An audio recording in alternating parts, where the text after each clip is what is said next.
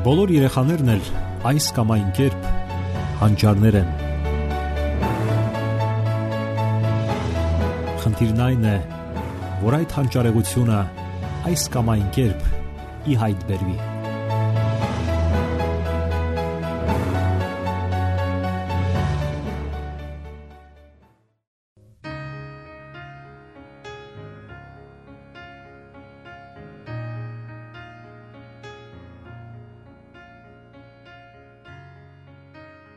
Բարև ձեզ սիրելի ռադիո լսողներ։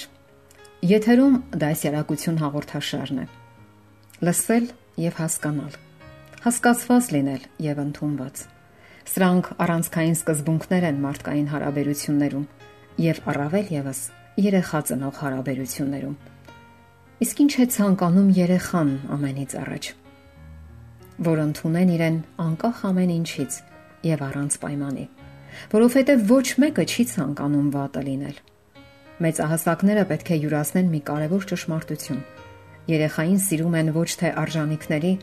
օժտվածության կամ հաջողությունների համար, այլ պարզապես նրա համար, որ նա կա։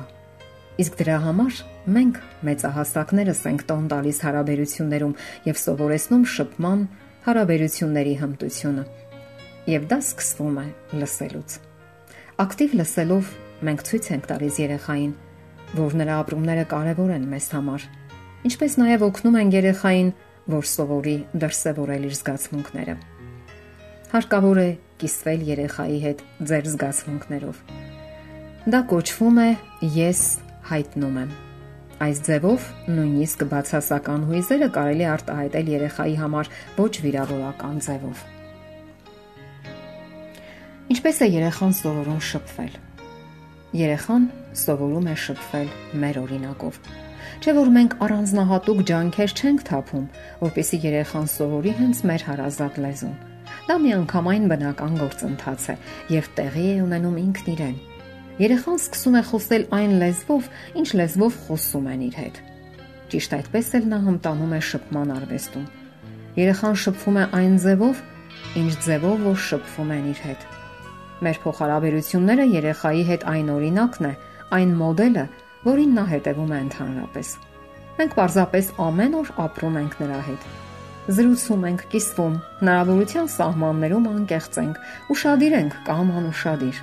Եթե հարաբերությունները ընտանիքում ճիշտ են հաստատված, նա ներծծում է շփման մշակույթը մեր ամենօրյա փոխհարաբերություններից։ Այսպես ուրեմն, ինչպես կառուցել ջերմ, վստահելի փոխհարաբերություններ երեխայի հետ։ Առաջին հերթին ընդունել նրան առանց պայմանի։ Այսինքն, սիրել նրան ոչ թե այն բանի համար, որ նա գեղեցիկ է, խելացի, լավ է սովորում, օգնում է տան գործերում, այլ որովհետև նա գոյություն ունի։ Սակայն սա չի նշանակում երբեք չբարկանալ նրա վրա։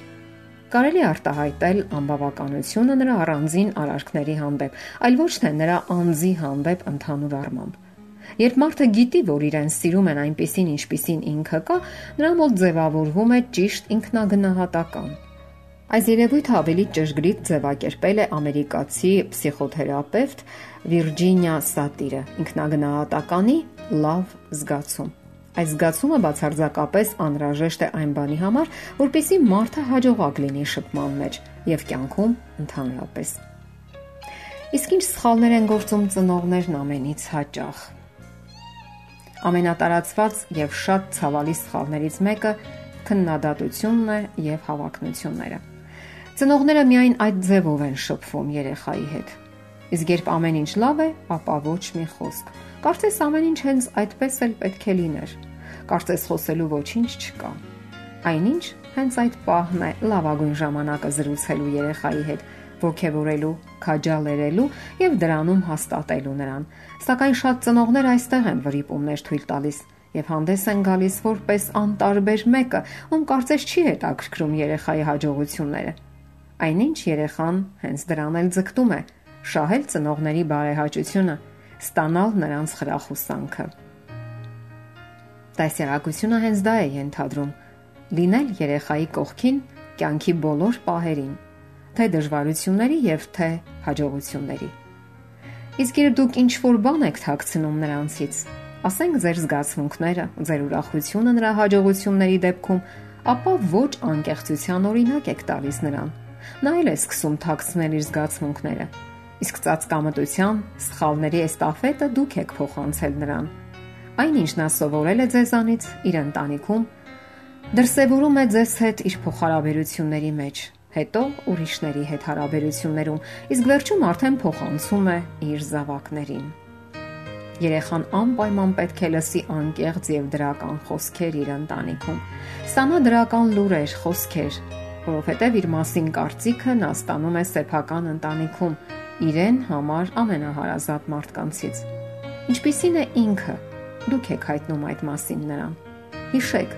փոքրիկ երեխան ունի ներքին տեսողություն։ Նա մեզնից է սպասում, որ իրեն ասենք, հավաստիացնենք, թե ինչքան լավն է ինքը որ սիրում ենք իրեն։ Լսելով մեր դրական խոսքերը, դրական հաղորդանքները, երեխան դարձյալ մեր օրինակով սովորում է բարյացակամորեն կիսվել իր զգացմունքներով։ Այստեղ կարևոր է նաև այն, որ երեխան սկսում է գիտակցել ներքին հույզերի աշխարհը։ Նա այդ ձևով է ճանաչում իրեն եւ հաստատվում իր մասին ունեցած կարծիքի մեջ համաձայն մեր խոսքերին։ Իսկ ինչ հաղորդանք եք փոխանցում նրան։ Ոչ քիչ ընտանիքներում ընդունված է ածականներով դիմել երեխային՝ դամբո, ապուշ, անհասկացող, հիմար, ավանակ եւ այլն։ Ծնողների խոսքը հաճախ գրեհիկ է, դիմելաձևը անվայելուչ եւ վիրավորական, նվաստացնող։ Ինչ կարելի է սпасել այդ դեպքում երեխայից, որ ում նմանվի։ Չէ՞ որ այդ մանկական զգայուն եւ փխրուն հուզաշխարհիկ հանդակագործները մեծահասակներն են։ Պարզապես մեծահասակները պետք է կամային ջանքեր գործադրեն զսպելու իրենց եւ որ ամենակարևորն է սովորեն ծնողական արվեստը։ Պատե ոչ թե այն, որ շատ մեծահասակներ չգիտեն ծնողական արվեստը, այլ որ չեն էլ ցանկանում սովորել։ Հասուն անznավորությունները միշտ էլ կարող են սովորել իրենց սխալներից ողջ կյանքում։ Ծնողի կանչվածությունը սահման չունի եւ երբեք չի ավարտվում սովորեք ծնողական արվեստը։ Շփվեք երեխայի հետ։ Կերտեք, փոխանցեք այն լավագույնը, որին միայն դուք ի վիճակի եք։ Երեխան արժե դրան։ Սիրելի ռադիո լսողներ, եթերում դասյարակություն հաղորդաշարն է։ Ձեզ հետ է Գեղեցիկ Մարտիրոսյանը։ Ձեզ ուզող հարցերի համար կարող եք զանգահարել 093 00 63 27 կամ 094 93 55 77 հեռախոսահամարով